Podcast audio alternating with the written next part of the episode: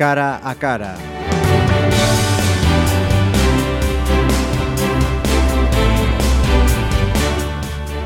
Saludos, gracias por estar ahí otro programa más de este cara a cara y gracias también a nuestra invitada del programa de esta ocasión, a la concejal iba ya al chip gallego ya a concelleira Carme da Silva, benvida.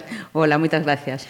Benvida porque a máis eh, Creo, a lo menos eh, comigo, é a primeira vez que estás aquí en Pontevedra Viva Radio. Pois é a primeira vez que estou en Pontevedra Viva e en ah. Pontevedra ah. Viva Radio, por suposto, tamén. Pois eh, benvida, entón, en, en calquera caso, eh, imos falar das festas. Tiña que ser nesta, nestas datas que levamos hai tempo, eh, non, non moito tempo, pero hai uns anos que o comezo das festas era a, coa romería de San Benitiño, non? Pero agora xa Ímonos o mes de xuño, creo que co surfing. Sí, a verdade é que, claro, mm, temos unha programación tan intensa que os meses de xullo, agosto e parte de setembro non nos dan. Hai como unhas 300 actividades programadas ao longo de todo o verán. Entón, pois, eh, empezamos xa co, desde hai uns anos co surfing a mediados de xuño, que é xa pois, unha forma eh, moi mm, festiva e explosiva de empezar, porque con moitísima enerxía para ser a primeira, e logo a partir dai xa vamos continuo, continuo, continuo até a Feira Franca. Quería preguntar eh, por algúns eh, dos eventos que xa se ten celebrados concretamente polo Festival Internacional de Jazz. Eh, este 2017 foi a máis un, unha data redonda, o 25 eh, aniversario, e penso que é unha cita que hai que remarcar, eh, porque eh, falando noutro destes programas cos seus organizadores, eh, decían que hai moitísima xente, eh, non só de fora de Pontevedra de Galicia, senón de España, que está pendente eh, desas figuras eh, que veñen a Pontevedra e eles veñen aquí a, a Pontevedra. O Festival Internacional de Jazz e Blues de Pontevedra que mm, remata con Gregory Porter, uh -huh. eh, que bueno, pues que é unha estrela neste momento no jazz, eh, tensa unha tradición eh, importantísima en toda a península. Hai moita xente que está pendente de vir por dúas razóns. Unha, porque o marco no que se desenvolve o festival, uh -huh. tanto na Praza do Teuro como na da Ferrería, é impresionante e non é non hai do, non adoitan ser os, os festivais de jazz en en escenarios sí, destas características. Uh -huh. E logo, bueno, pois que tamén ten un aliciente o feito de que sexa de balde poder ver primeiras figuras do jazz internacional en eses emplazamentos, tanto na Praza do Teuro como na Ferraría mm, de balde, uh -huh. pois obviamente mm, move eh, a moitísima xente. E además é un festival que tamén se caracteriza por apostar eh, polas novidades e por valores en alza que despois que a xente ven a Pontevedra que os ve e que un ano despois ou dous anos despois pois son grandes figuras do jazz uh -huh. eh, ou do blues eh, afortunadamente máis en Pontevedra temos o seminario permanente de jazz, de jazz sí, que, sí. que bueno pois pues, que é unha canteira eh, de profesionais da música extraordinaria e que colaboran tamén co Concello na organización uh -huh. do festival e que bueno, pues que nos pon eh, os músicos galegos a, a un, a un nivel, nivel impresionante. Un, impresionante. Mm. Decía que eh, deses, eh, desas persoas que saíron do, do seminario agora están na Universidade de, de Lisboa eh, e son a referencia. Sí. Que veñen de aquí de, de Pontevedra. E que, e que sae perso, persoas que se forman no seminario que agora son neste momento mm, referentes a nivel uh -huh. internacional. Por sí, eso sí. Lle, lle introducimos certas modificacións ao festival, porque eh, non nos parecía xusto que, as, mm, que os músicos galegos que se forman no seminario de jazz ou en outras, eh, bueno, en outras escolas uh -huh. de formación que poida haber que están ao mesmo nivel que outras figuras recoñecidas que non tivesen o mesmo eh, tratamento. Estábamos, eh, como eso de que ninguén é profeta na súa na terra, súa terra. non? Uh -huh. Pois pues estábamos comportándonos así e, bueno, desde hai uns anos uh -huh. eh, están donde sí, se merecen, seu espazo, donde se merecen que exactamente eh, no mesmo uh -huh. lugar que os demais. Uh -huh. eh, Carmen, para alguén que, mm, que este a escoitar, que non sea da cidade de, de Pontevedra, eh, cale a, a filosofía coa que eh, estades a traballar no, no Concello cando eh, plantexades as festas do verán. Bueno, Unha, eh, facer encaixes para que nos encaixe toda a programación. Por máis de 300 actividades, como decías. Algúnas coinciden, pero cando coinciden dúas actividades o mesmo día, a mesma hora, o que se procura é que sexan para dirixidas a públicos diferentes, con gustos moi distintos, e que non se produza bueno, pues un solapamento de actividades do mesmo tipo. Uh -huh. Despois, eh, precisamente eso que decía, para todos os gustos, para todos os públicos e para todas as edades, que as actividades de para os máis pequenos Cativos. e pequenas das casas, uh -huh. até para as persoas máis maiores.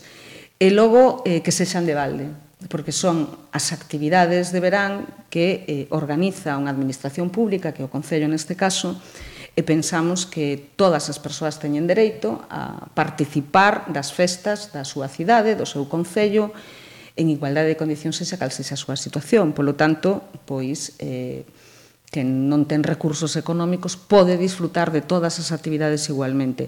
E ademais, eh, o sector do comercio, da hostelería, é un sector económico moi importante en Pontevedra e tamén pensamos que todas esas actividades que se, que se programan ao longo do ano e máis especificamente no verán, pois tamén sirven de mm. eh, motor revulsivo, sí. para o desenvolvemento económico da cidade que é moi importante tamén, serán uh -huh. pois tanta xente que, que ven a Pontevedra, pois eso xenera muitísima máis actividade. Uh -huh.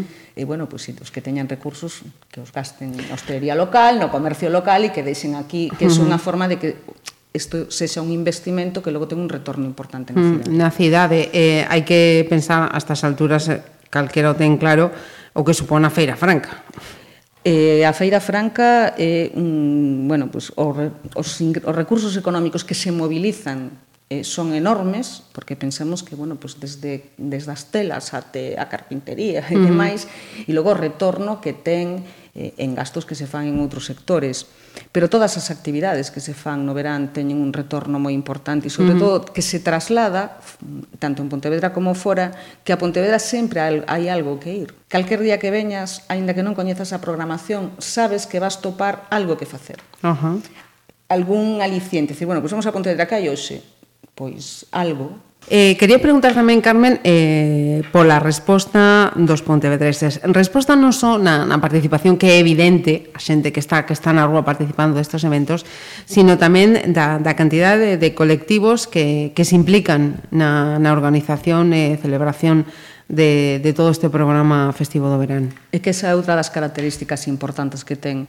Moi poucas, as, mm, o Concello organiza todas as actividades que están en toda a programación, son todas de organización municipal, pero colabora con entidades eh, en toda a programación. Son moi poucas as actividades nas que só interven o Concello. Uh -huh. Pensamos que, mm, bueno, pues tamén unha forma de fomentar a, a participación e a implicación eh, na vida da, do Concello eh, desta forma. Eh, a verdade é que a mí me parece admirable a cantidad de xente que, que, pois, que desde asociacións veciñais, asociacións culturais, outro tipo de colectivos, lle dedica unha parte importante do seu tempo uh -huh. a traballar para que todas as demais persoas podamos disfrutar. disfrutar. Pero iso tamén é unha forma de que a sociedade este pois máis coexionada, eh, que se comparten máis as cousas e que se participan dunha forma muitísimo máis viva na vida da, da cidade e logo eso repercute en todo, repercute mm. na solidaridade cos veciños, eh, no comportamento cara á cidade, cara ao público, na convivencia, en, en unha forma muitísimo máis uh -huh. eh, democrática, xusta de, de, de celebrar. Facer, sí. uh -huh. eh, das novidades, eh, este ano eh, non imos sinalar porque estábamos dicendo máis de 300 sería eh, interminable, pero quería a, facer fincapé nunha desas eh, novidades. Aquí cántase, aínda está por celebrar, contanos. Eh, vai ser o final dun programa precioso que se vai desenvolver o 11 de agosto, a víspera de empezar as festas da Peregrina. Uh -huh eh, un anticipo mm, extraordinario do que vai ser toda a seguinte semana. Este é un programa que empezou no mes de abril, donde hai mm, cerca de 250 persoas que van ensaiando todos os meses a distintos locais sociais, en Lérez, uh -huh. no Corbullón e en Salcedo, e que están ensaiando eh, bueno, pues, con grupo e con eh, profesor de música, eh, distintos temas de música tradicional, un repertorio duns 20 temas. Uh -huh. E o día 11 de agosto, a partir das 9 da noite, vais a facer a gran quedada para cantar todos eses temas que estuveron ensaiando, ensaiando desde meses. Uh -huh. Toda esa xente, máis toda a que queira sumarse. Uh -huh. É un proxecto precioso eh, que tivo unha resposta extraordinaria. Non pensamos, uh -huh. nos pensábamos que chegaríamos como a 100 persoas, cento e algo, eh, máis que duplicamos a, uh -huh. o obxectivo que tiñamos marcado e a verdade é que pode ser extraordinario pois estar eh, diante do teatro principal, por exemplo, vendo uh -huh. como máis como un montón de persoas cantan mm. xuntas. Uh -huh. Sí, sí. Eh, animo a todo o mundo a que uh -huh. a que tome nota 11 de agosto. Ven a ser un, un gran eh, epílogo o um, epílogo non porque non rematará, estou segura do que eran os cantos da taberna, non? A, sí, no, esto, os cantos da, da eh, taberna. Eh, cantos Cantos de Taberna é un proxecto moi vivo que todos uh -huh. os anos introduce modificacións, eh, a parte do que se fai no inverno de quedar os últimos venres de mes para cantar en distintos bares, eh, todos os anos se van introducindo modificacións para fomentar pois, a participación. Uh -huh. O objetivo é que se siga cantando -huh. as cancións da música tradicional, pois tanto nas tabernas como nas casas, como tal. Este ano a modificación que se introduci foi, pois en vez de cantar un día específico uh -huh. da Semana das Festas en unha zona concreta, Pois non, durante xa, durante 4 meses estamos practicando os temas para logo facer a gran actuación do 11. Mm. Pois anotando, eh, 11 de agosto, mm, xusto o día anterior, o comezo da, das festas da, da peregrina, esa, esa gran quedada para, para cantar cancións populares de, de toda a vida, ¿no? como se soe eh, decir. Eh, entramos na, na semana grande da, da cidade de, de Pontevedra, as festas da, da peregrina. Supoño que eses días eh, a concelleira eh, está, pero non está eh, como durante todo o verán, eh, pero, bueno, aí eu teño que recoñecer unha cousa, que mm, levar as festas é unha das cousas máis gratificantes que lle pode pasar a unha concelleira, uh -huh. porque se organizan actividades eh, para públicos diferentes, en colaboración con moitísima xente, eh, e que é moi agradable porque estás facendo cousas para que a xente pois, o pase ben, para que este xunta, para que se divirte e de todas uh -huh. as cousas que se poden facer nun concello, obviamente esta é unha das máis bonitas. Uh -huh.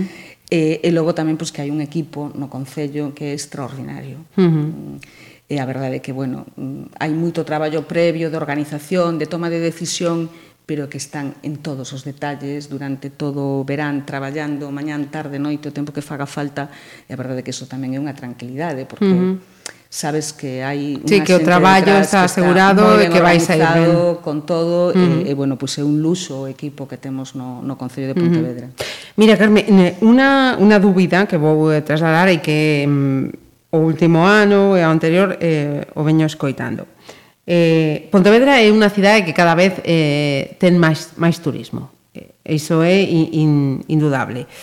Alguns, al, algunhas destas persoas que, que están aquí no mes eh, de agosto e que o día do, do pregón van a, a praza para escoitar o comezo desas festas, para ver como é o comezo destas eh, festas, eh, sí que mm, criticamos unha cousa, eh, que están escoitando e, e non se enteran, porque vai en galego. Entón, mm, preguntaban e por que non o fan en, en castelano algo máis aberto para os que somos de fora e que, e que podamos eh, tamén estar máis implicados no, na festa, nese comenzo de, de festa, Carmen.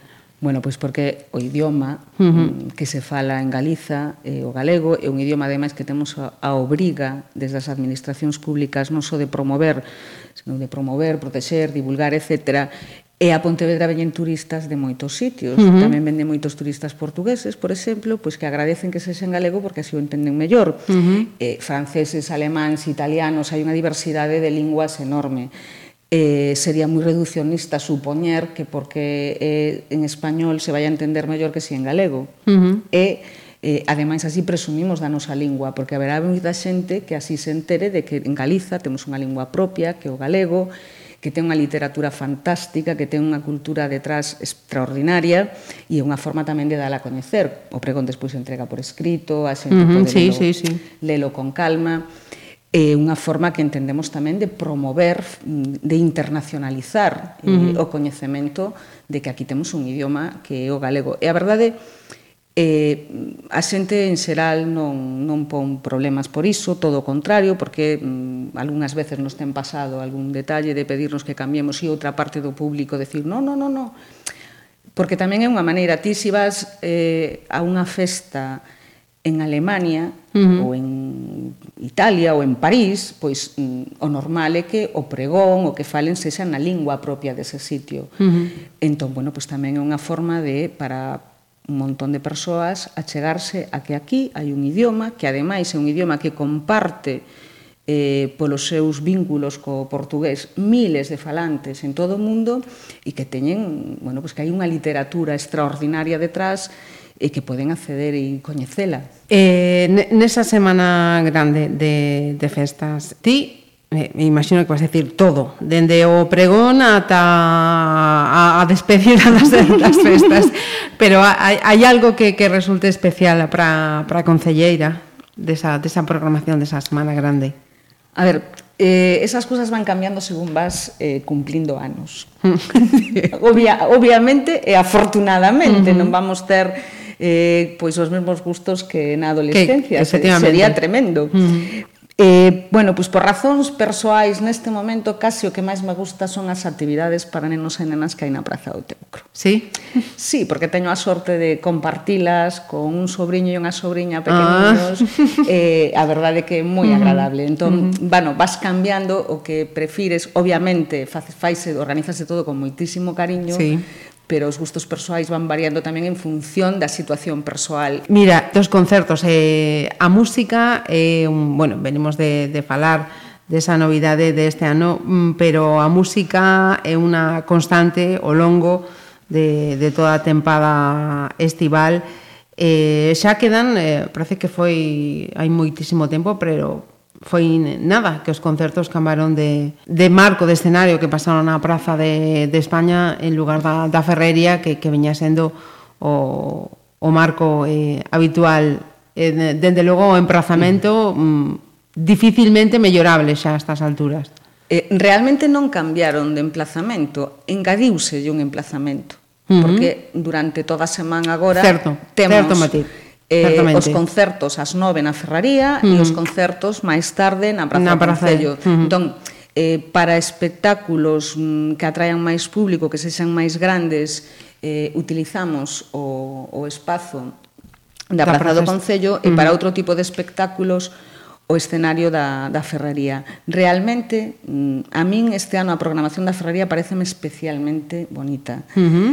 eh, ten unha sonoridade a plaza, ten un marco que é unha maravilla. Uh -huh. e, e se fixo con moitísimo esmero a programación deste ano e tivemos a fortuna, bueno, pois de o poder aproveitar o espazo que había diante do concello, que antes pois era unha estrada. Sí, paso e nada máis. Eh, que ter agora pois dous emplazamentos e iso nos permite tamén diversificar moitísimo máis a oferta musical que hai para, bueno, e facer algúns concertos antes ás nove da noite, porque hai xente pois, que ás nove pode ir, pero logo ás dece media xa se lle fai moi tarde, uh -huh. eh, variar máis a programación.